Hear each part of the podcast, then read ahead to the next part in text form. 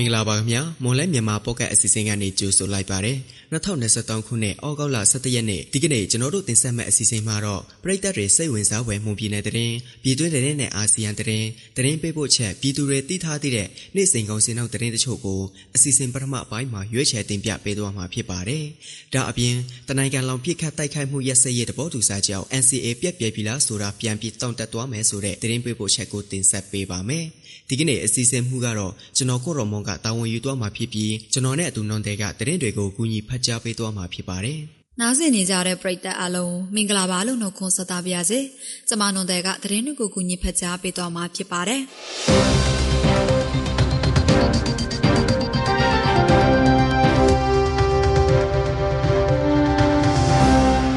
ရိုက်ထုံမြို့နယ်တိုင်စီယမြို့အမှတ်တောင်ရက်ကွက်နယ်ကိုစန်းထွန်းဦးကိုပြည်သူ့ကာကွယ်ရေးတပ်ဖွဲ့ PDF နဲ့ပတ်သက်တယ်ဆိုပြီးစစ်ကောင်စီကဖမ်းဆီးအမှုဖွင့်ခဲ့တယ်လို့ဒေတာခန်တွေစီကသိရပါဗျ။ကိုစန်းထွန်းဦးကိုဩဂုတ်လ2ရက်နေ့ကရိုက်နှက်ပြီးဖမ်းဆီးခေါ်ဆောင်ခဲ့ပြီးနောက်ထောင်တန်းတသက်တကြွန်းထိပြစ်ဒဏ်ချမှတ်နိုင်တဲ့အကြမ်းဖက်မှုတိုက်ဖျက်ရေးဥပဒေပုံမှန်90စမြင့်ဆွဲ52ကကြီးတို့နဲ့တိုင်စီယရဲစခန်းမှာအမှုဖွင့်ခဲ့တယ်လို့သိရပါဗျ။ ဖမ်းဆီးအမှုဖွင့်ခံထားရတဲ့ကိုစန်းထွန်းဦးဟာတမန်အယက်တတူတာဖြစ်ပြီးရိုက်နှက်နှိပ်စက်ခံထားရတဲ့တန်ရာတွေနဲ့ဩဂုတ်လ6ရက်နေ့ကတိုင်စီရက်ဆေးရောင်မှာစေကုတမှုခံယူခဲ့ရပါသေးတယ်။စစ်ကောင်စီထောက်ခံတဲ့ Telegram Channel မှာတော့ကိုစန်းထွန်းဦးဟာတန်စီရရက်စခန်မှုပလင်စစ်စစ်ရဲ့ဂိုက်တို့ကိုတရောင်းနဲ့ပေါင်းကျဲတိုက်ခိုက်ခဲ့ရမှာပါဝင်ဆောင်ရွက်ခဲ့တယ်လို့ဖော်ပြထားပါတယ်။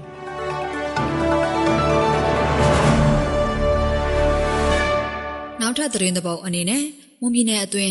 2023ခုနှစ်ဇန်နဝါရီလကနေဇူလိုင်လကုန်အထိဒုလုံတုပ်ကွေယောဂကုဆက်ဖြစ်ပွားသူ1159ဦးရှိပြီးသေဆုံးသူ3ဦးရှိတယ်လို့ပြည်내ပြည်သူ့ကျန်းမာရေးနဲ့ကုသရေးဦးစီးဌာနစီကနေသိရပါဗျ။ဒုလုံတုပ်ကွေယောဂဖြစ်ပွားမှုအများဆုံးဟာမွန်လမြိုင်မြို့နယ်ဖြစ်ပြီးဒုတိယအများဆုံးသည်ပေါင်မြို့နယ်ဖြစ်ပါတယ်။ဒုလုံတုပ်ကွေကြောင့်သေဆုံးသူ3ဦးဟာပေါင်မြို့နယ်ကကလေးငယ်တူတန်မြူစရမြို့နယ်ကကလေးတူနဲ့စိုက်ထုံမြို့နယ်ကကလေးတူသေဆုံးခဲ့တယ်လို့ဆိုပါတယ်။ဒါပြင် သွေးလွန်တုပ်ကွေယောဂကုဆက်ဖြစ်ပွားမှုများပြားလာနိုင်တဲ့အတွက်အထူးသတိပြုဖို့လိုအပ်တယ်လို့ပြည်내ပြည်သူ့ကျန်းမာရေးနဲ့ကုသရေးဦးစီးဌာနမှတာဝန်ရှိသူတွေကဆိုပါတယ်ရှင်။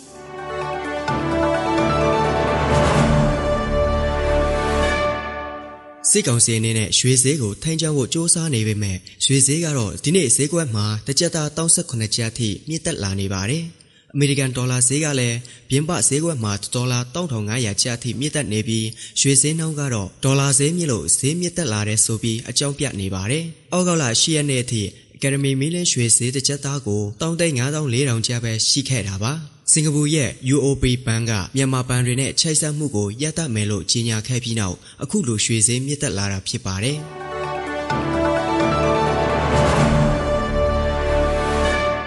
နောက်ထပ်သတင်းသဘောက်အနေနဲ့ တနိုင်ငံလုံးပြစ်ခတ်တိုက်ခိုက်မှုရက်စက်ရေးဆိုင်ရာသဘောတူစာချုပ် NCA ပြတ်သွားပြီလို့ကရင်အမျိုးသားအစည်းအရုံး KNU အထွေထွေအတွင်းရမှုပဒိုစောတာတို့မှုကပြောပါတယ်18ကြိမ်မြောက်ကွန်ဂရက်အစည်းအဝေးအပြီးမနေ့ကကျင်းပခဲ့တဲ့ရတရပြည်သတင်းစာရှင်းလင်းပွဲမှာ KNU ခေါင်းဆောင်ကအခုလိုပြောဆိုခဲ့တာဖြစ်ပါတယ်။ NCA စာချုပ်ရဲ့အခြေခံမူတွေကိုစစ်ကောင်စီတပ်ကချိုးဖောက်ပစ်စီလိုက်တဲ့အတွက် NCA ဆိုတာမရှိတော့ဘူးလို့ပြောဆိုလာတာဖြစ်ပါတယ်။ ဒါကြောင့် NCA ကိုအသုံးပြုပြီးနိုင်ငံတကာကိုတော်လကောင်ပြည်သူလူထုကိုတော်လကောင်လှည့်စားတဲ့ကိစ္စရပ်တွေမှာ KNU နဲ့သက်ဆိုင်ခြင်းမရှိဘူးလို့ပြောပါတယ်။ NCA စာချုပ်အခြေခံမူမှာတော့လက်နက်ကင်ပဋိပက္ခတွေအဆုံးသတ်နိုင်ဖို့ဆွေးနွေးညှိနှိုင်းအပြေရှာရေးနိုင်ငံရေးပြည်ထနာကိုစစ်ဆင်ရေးနဲ့မဖြစ်ရှင်းတော့ပဲနိုင်ငံရေးပြည်ထနာကိုနိုင်ငံရေးနည်းနဲ့ပဲဖြစ်ရှင်းဖို့ဆိုတဲ့အချက်အပါဝင်ဆက်သက်ချက်ပါဝင်ပါတယ်ရှင်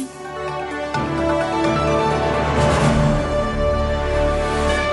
မြန်မာဘဏ်တွေနဲ့ချိတ်ဆက်ထားတဲ့လုပ်ငန်းတွေအားလုံးကိုရပ်ဆိုင်းတော့မယ်လို့စင်ကာပူနိုင်ငံရဲ့အကြီးဆုံးဘဏ်တစ်ခုဖြစ်တဲ့ UOB ဘဏ်ကကြေညာခဲ့ပါတယ်။လာမယ့်စက်တင်ဘာလ၁ရက်နေ့ကစပြီးမြန်မာဘဏ်တွေနဲ့ချိတ်ဆက်ထားမှုအားလုံးကိုရပ်ဆိုင်းတော့မှာဆိုပြီးတရားဝင်ကြေညာခဲ့ပါတယ်။မြန်မာနိုင်ငံဘဏ်တွေကတစီ UOB ဘဏ်တွေမှာငွေသွင်းငွေထုတ်လောက်တာမြန်မာငွေစည်းအကောက်တွေကနေငွေသွင်းငွေထုတ်လောက်တာတွေအားလုံးကိုရပ်ဆိုင်းမှာဖြစ်ပြီး UOB ဘဏ်ကောက်ချင်းချင်းငွေလွှဲထုတ်တာကိုပဲခွင့်ပြုတော့မယ်လို့သိရပါတယ်။ ဒါအပြင်မြန်မာအမျိုးသားလေကြောင်းလိုင်းရဲ့ UOB ပန်စင်း၅ခုကိုလည်းပိတ်သွားမယ်လို့အက်ဒီဘန်ကကြေညာခဲ့ပါတယ်။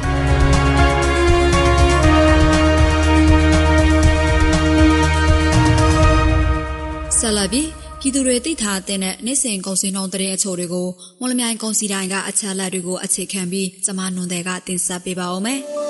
။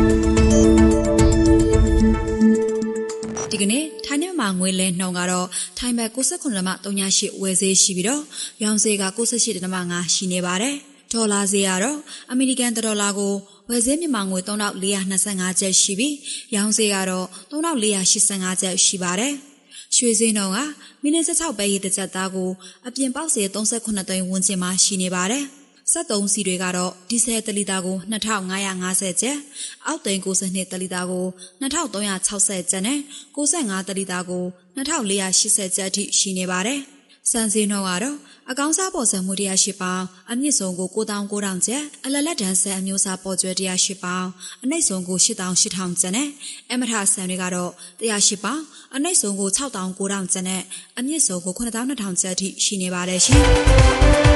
။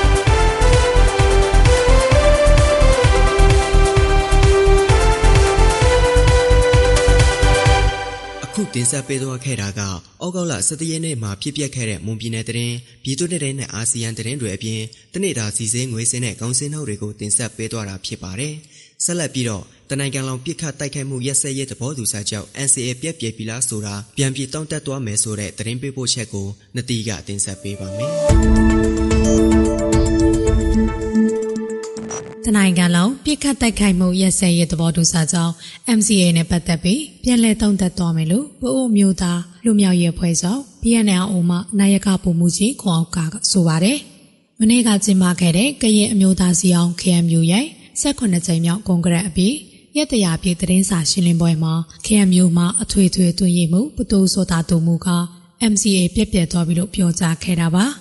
MCA ပြည့်ပြည့်သွားပြီလို့ပြောဆိုချက်နဲ့ပတ်သက်ပြီးမိမိတို့တိုင်ပင်ဆွေးနွေးသွားမှာဖြစ်ကြောင်းအဲ့ဒီပြောချက်ချက်နဲ့ပတ်သက်လို့သဘောထားမပေးလို့သေးဘူးလို့ပုံမှုကြီးခွန်အောက်ကကဆိုပါတယ်။အဲအဲ့ဒါဒီနေ့ကျွန်တော်တိုင်ပင်လာအဲ့ဒါကျွန်တော်အခုတော့သဘောထားမပေးသေးဘူးသဘောထားမပေးသေးဘူးကျွန်တော်တို့အဲ့ဒီကိစ္စအတိုင်းပဲနေတော့ဘယ်လိုရေးရမလဲဆိုတာကျွန်တော်စာပြစုနေတယ် ဒီကျွန်တော်ခင်ဗျာပို့တယ်ကျွန်တော်တို့အဲ့ဒီကိစ္စနည်းနည်းအလေးနဲ့ထားပြီးတော့ပြင်ဆင်နေတယ်ဒါမျိုးကဆိုအရင်တော့စောတော်နီလည်းပြောဘူးတယ်ဗျစောတော်နီလည်းပြောဘူးတယ်အဲ့ဒီတော့လည်းကျွန်တော်တို့ဟိုလည်းပြီးတုံ့ပြန်ပြီးတို့စောတော်နီကိုကျွန်တော်တို့ရှင်းပြပေးတယ်အဲ့ဒီစောတော်နီကဟိုမရှိတော့မလို့တော့ဘူးဆိုတော့အခုမှုချက်စီးနေနဲ့ဒီမှုကိုယ်တိုင်ကထုတ်ပြောလာတော့ policy အလဲမဖြစ်သွားနိုင်တယ်လေအဲဒါကြောင့်ကျွန်တော်တို့လည်းဒီနေ့တကြပြည့်တင်နေကြနော်ချက်ချင်းတော့ဝေဖန်ချက်မပေးသေးပါဘူး2021ခုနှစ်ဖေဖော်ဝါရီလရက်နေ့ကစစ်ကောင်စီကအာဏာသိမ်းယူပြီးနောက်အပြည့်ရဆယ်ဖွဲ့နဲ့ဖွဲ့စည်းထားတဲ့ငြိမ်းချမ်းရေးလုပ်ငန်းစီဦးဆောင်ဖွဲ့ PPSD မှာ KMU ရှမ်းပြည်ပြန်လည်ထူထောင်ရေးကောင်စီ RCSS ချင်းမျိုးသားတပ်ဦး CNS မြန်မာတနိုင်ငံလုံးဆိုင်ရာကျောင်းသားများဒီမိုကရက်တစ်တပ်ဦး ABSDF မွန်ပြည်သစ်ပါတီ NNSP တို့ဟာအဖွဲ့ဝင်ဖြစ်ကနေနှုတ်ထွက်ကြောင်းစာတင်ခဲ့တယ်လို့အပြည့်အဝပူးပေါင်းပါဝင်မှုအစီကိုလည်းရောချထားပါတယ်။မြန်မာစစ်တပ်ကအာဏာသိမ်းလိုက်တာကြောင့် MCA ဟာပြည့်ပြည့်သွားပြီလို့ KMU မှာအထွေထွေသွင်းရမှုပတိုးစောတာတူမှုကပြောပါတယ်။ဒီစစ်စစ်မှာနိုင်ငံတီဆောက်ချင်းကိုအပေါ်ကနေ top down ချုပ်ကင်ချေလေပြီးဆောင်ရွက်လာခဲ့တဲ့အလုပ်မဖြစ်တဲ့တာတကားတွေအောက် ကနေကျွန်တော်တို့အားလုံးပေါက်ထွက်ပြီးတော့ကျွန်တော်တို့အားလုံးဘဝနဲ့ရင်းပြီးတော့အတွေ့အကြုံတွေရယူခဲ့ကြပြီးဖြစ်တယ်ဆိုတော့လည်းပြောကြရင်ဒီနေ့ကျွန်တော်တို့အောက်ခြေကနေပြီးတော့အုံမြင့်ခံခိုင်တိဆောက်ဖို့အရေးကြီးတယ်ဆိုတာလေးကိုပြောကြားလိုပါတယ်ဒီစစ်အာဏာသိမ်းမှုကြောင့်လည်း Nationwide Ceasefire Agreement လို့ခေါ်တဲ့ NCA လည်းပြည့်ပြည့်သွားပြီးဖြစ်ပါတယ်ဆိုတာကိုကျွန်တော်တို့ပြောကြားလိုပါတယ် MCA စာချုပ်ကို RCSS, KMU, PNLO, CNF, ABSDN, NNSP ဒီမိုကရေစီအကျိုးပြုကရင်တပ်မတော် TKPA ကရင်အမျိုးသားစီအောင်ကရင်အမျိုးသားလူမျိုးရေးတပ်မတော်ငြိမ်းချမ်းရေးကောင်စီ KMU, KNLA, BC ရခိုင်ပြည်လူမျိုးရေးပါတီ ARB လာဟူဒီမိုကရက်တစ်အစည်းအရုံး ADO တို့လက်မှတ်ထိုးထားပါတယ်။လက်ရှိမှာလည်းအပြည့်ရလက်မှတ်ရေးထိုးထားတဲ့ KMU, CNF, ABSD အတူဟာစစ်ကောင်စီတွေနဲ့တိုက်ပွဲတွေဖြစ်ပေါ်လျက်ရှိနေပါတယ်ရှင်။